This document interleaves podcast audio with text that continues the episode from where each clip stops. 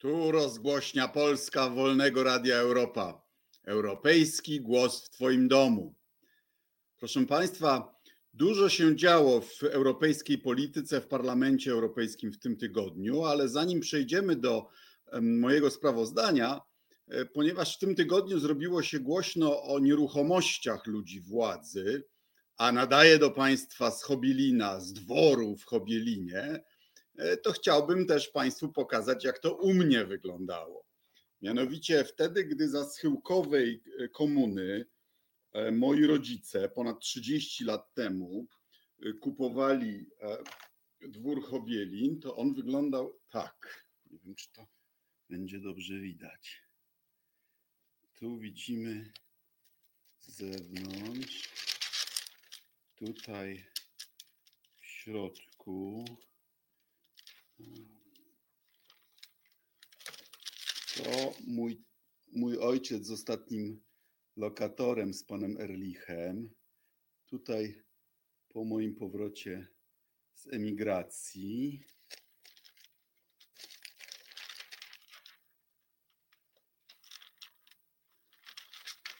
Tutaj takie przyjemne psy, o, wychodki, chlewy, a to już żona. I, I to, co dzisiaj Państwo widzicie, to jest wysiłek 30 lat pracy całej e, rodziny. Mam nadzieję, że niektórzy też będą mogli przekonywująco udowodnić, jak odbudowali czy zbudowali swoje nieruchomości. A proszę Państwa, mm, pierwszą rzeczą, o której chcę powiedzieć, to to, że 9 marca największa e, partia w Parlamencie Europejskim, ta do której należy Platforma Obywatelska i Polskie Stronnictwo Ludowe, w której zasiadam, Europejska Partia Ludowa, przegłosowała jako swój już dokument przygotowany przeze mnie z grupą współpracowników raport, propozycje po raz pierwszy e, polityki wobec Chińskiej Republiki Ludowej. E, raport ten teraz będzie podstawą do negocjacji z innymi partiami politycznymi i powinien mieć swój wpływ na politykę całej Unii wobec Chin. E, no i zaproponowałem kolegom, to zostało zaakceptowane, że Chiny ważny kraj z którym chcemy współpracować tam, gdzie to możliwe, konkurować tam, gdzie to potrzebne, ale i gotowi jesteśmy na konfrontację tam, gdzie to konieczne.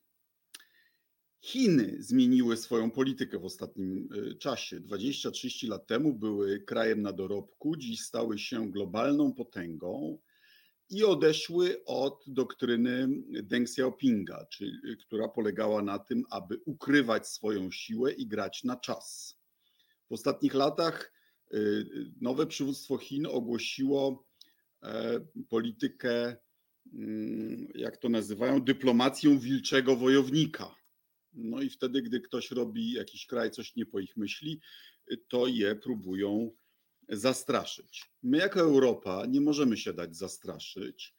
Chcemy z Chinami współpracować. Chiny to nie tylko kraj, który jest na drugim końcu świata. Chiny są tutaj.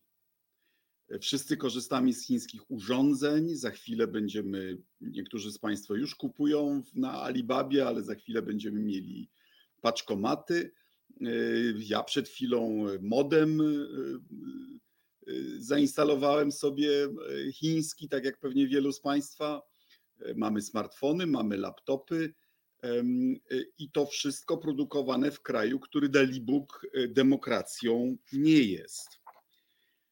To jest wielkie wyzwanie cywilizacyjne, technologiczne, geopolityczne, w którym interesy europejskie i amerykańskie nie do końca współgrają, bo na przykład sojusznicy amerykańscy, y, sojusznicy Stanów Zjednoczonych na obrzeżach Chin nie są naszymi formalnymi sojusznikami, choć oczywiście sympatyzujemy z demokracjami, takimi jak Korea, Japonia, Indonezja y, czy Tajwan, e, no ale nie mamy zobowiązań wobec nich w dziedzinie bezpieczeństwa. Więc to wymaga także współpracy ze Stanami Zjednoczonymi, ale także mediacji tam, gdzie byłyby niebezpieczeństwa jakiegoś załamania się stosunków amerykańsko-chińskich. Chiny e, także w wyniku pandemii w zeszłym roku po raz pierwszy w historii e, stały się największym partnerem handlowym e, Unii Europejskiej. Już nie numer dwa po Stanach Zjednoczonych, tylko niestety w rezultacie wzrostu naszego importu z Chin towarów. Chiny w tej chwili są większym partnerem niż Stany Zjednoczone i oczywiście chcemy nadal z nimi handlować. Nasz dobrobyt jako Unii Europejskiej od tego zależy. Ktoś może powiedzieć, Niemcy chcą sprzedawać swoje samochody. Pewnie, że chcą, ale kto produkuje komponenty, podzespoły do tych niemieckich samochodów? Cała Europa, w tym Polska, y, y, pewnie w większym jeszcze stopniu niż inni y, partnerzy Niemiec. Więc jest w tym wielki polski interes. Także dlatego, że przecież nie zapominamy, że między Chinami a, a nami jest tylko jeden sąsiad. I, I to, w którą stronę on się obróci w tym być może najważniejszym konflikcie XXI wieku, też będzie bardzo dla Polski znaczące. Raport konkluduje, y, a szerzej o tym możecie Państwo przeczytać w E, felietonie, który e, w ciągu kilkunastu godzin się ukaże na e, moim Facebooku, że globalna walka pomiędzy demokracją i autorytaryzmem jest jednym z najważniejszych czynników wpływających, wpływających na nasze relacje z Chinami. Pole do tej współpracy i wymiany gospodarczej niestety skurczyło się, dlatego że przegraliśmy zakład o to, czy Chiny się zliberalizują w przyszłości musimy lepiej bronić naszych interesów. Unia Europejska musi być, musi zdać sobie sprawę ze skali tego e, wyzwania, ale jedno wiem na pewno, że pojedyncze kraje o ludności, tak jak Polska, jednego dużego chińskiego miasta, nie mają w tych relacjach żadnego, żadnej szansy na obronienie swoich interesów. E, musimy utrzymywać stosunki jako państwa z Chinami, ale e, największą szansę, szczególnie w dziedzinie handlu inwestycji, na uzyskanie dobrych warunków e, wymiany handlowej i wszelakiej innej z Chinami, mamy jako Unia Europejska i to jest tak samo prawdą, jeśli chodzi o największe kraje Unii Europejskiej, jak i te mniejsze i średnie, takie jak nasz. Po drugie, e, proszę Państwa, Parlament Europejski e, debatował e, znowu o Polsce i to znowu niestety w złym kontekście, mianowicie w kontekście zagrożeń wolności i pluralizmu mediów w Polsce, na Węgrzech i w Słowenii. Wszyscy pamiętamy, że Jarosław Kaczyński zapowiedział, że w Warszawie będzie Budapeszt. I robi to, trzeba przyznać, mediów. Na Węgrzech niedawno odłączono ostatnie y, niezależne radio. Gazety zostały przejęte przez albo firmy państwowe, albo oligarchicznych przyjaciół pana premiera Orbana. 80% mediów już jest albo prorządowe, albo wręcz pod kontrolą rządu, i w tym kierunku pan prezes Kaczyński chce, aby szła także Polska. Ten przez Boga natchniony e, prezes Orlenu, e, pan Daniel Obajtek, jak wiemy, mm, e, prowadzi teraz transakcję, dzięki której Orlen, trochę jak Gazprom w Rosji, przejmuje prywatne gazety. Największą sieć prywatnych gazet, odpowiedzialną za milion egzemplarzy dziennie czyli cały ten, tą, tą grupę Polska Presse, prasy e, regionalnej. Broniąc stanowiska rządu, e, pani e, była premier Beata Szydło mówiła, że, że dlaczego, pytała, dlaczego media oponują przeciwko podatkami, podat, podatkom od reklam, przecież takie podatki są rzekomo w innych krajach i przecież podatek Y, cytuję chyba prawidłowo, miał być wymierzony tylko w gigantów internetowych, a nie w firmy y, płacące podatki w Polsce.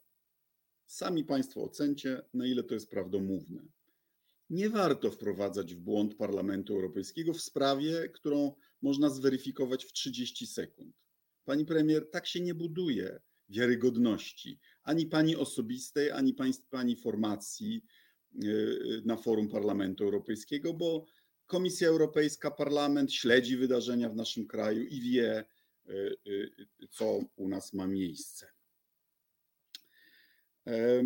No i w swoim wystąpieniu e, niestety musiałem powiedzieć, że e, no, Orlen nie jest przykładem szacunku dla wolnych mediów.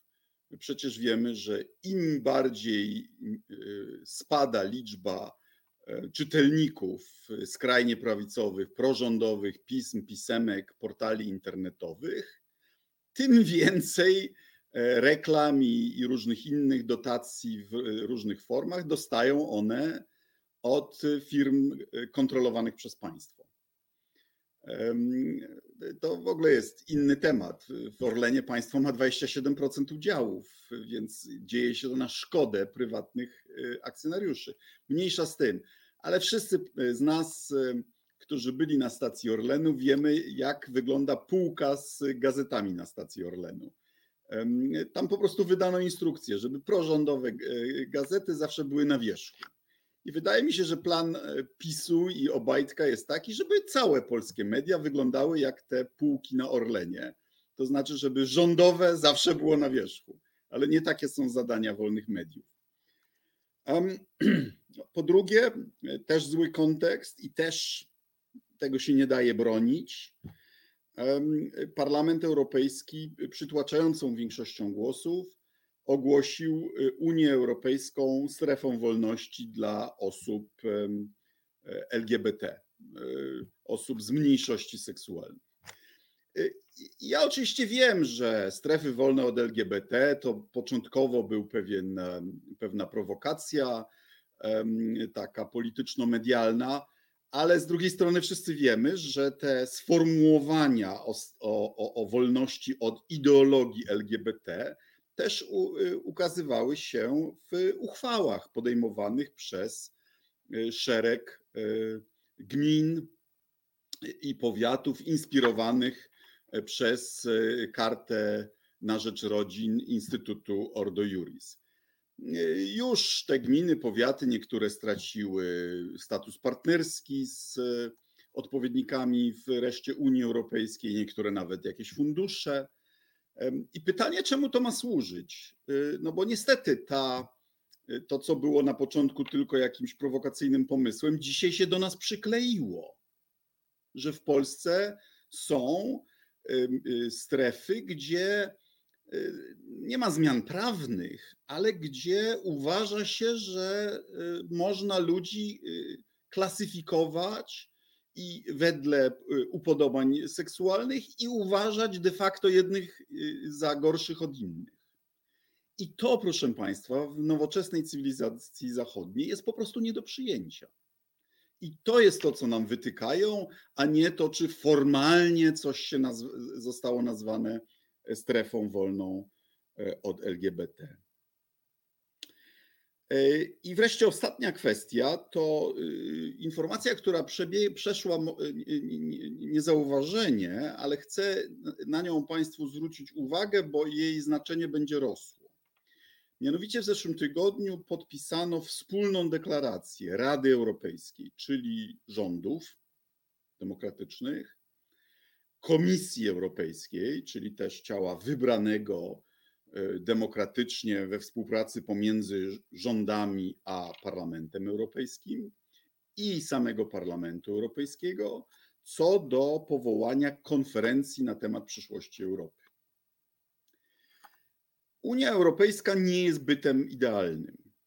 E, ci, którzy mówią, że powinna być inna, może mają dużo racji. Tylko, że to, co mamy, jest wynikiem kilkudziesięciu lat kompromisów pomiędzy państwami członkowskimi. W Unii naprawdę na koniec rządzą państwa członkowskie, bo to one y, decydują o tym, co jest na agendzie, i bez państw członkowskich prawie nic nie daje się w Unii y, Europejskiej zdecydować. Więc porażki Unii Europejskiej są też wynikami decyzji państw członkowskich. Ale wszyscy się zgadzamy, że y, na przykład w dziedzinie zdrowia, gdzie do pandemii było domniemanie, że to jest y, y, władztwo i teren zastrzeżony dla państw narodowych, Unii zabrakło instrumentów szybkiego działania. I ci, którzy zdecydowali się pójść szybciej i ofensywniej spoza Unii Europejskiej, zaklepali sobie więcej szczepionek. I że tak w przyszłości nie powinno być. Że osiągnęliśmy coś dobrego, mianowicie wspólne zamówienia, tak aby Europejczycy nie konkurowali między sobą o te szczepionki, to by było fatalne, także dla Polski, bo pewnie większość zgarnęliby bogatsi od nas, ale ta sprawiedliwość odbyła się kosztem szybkości działania.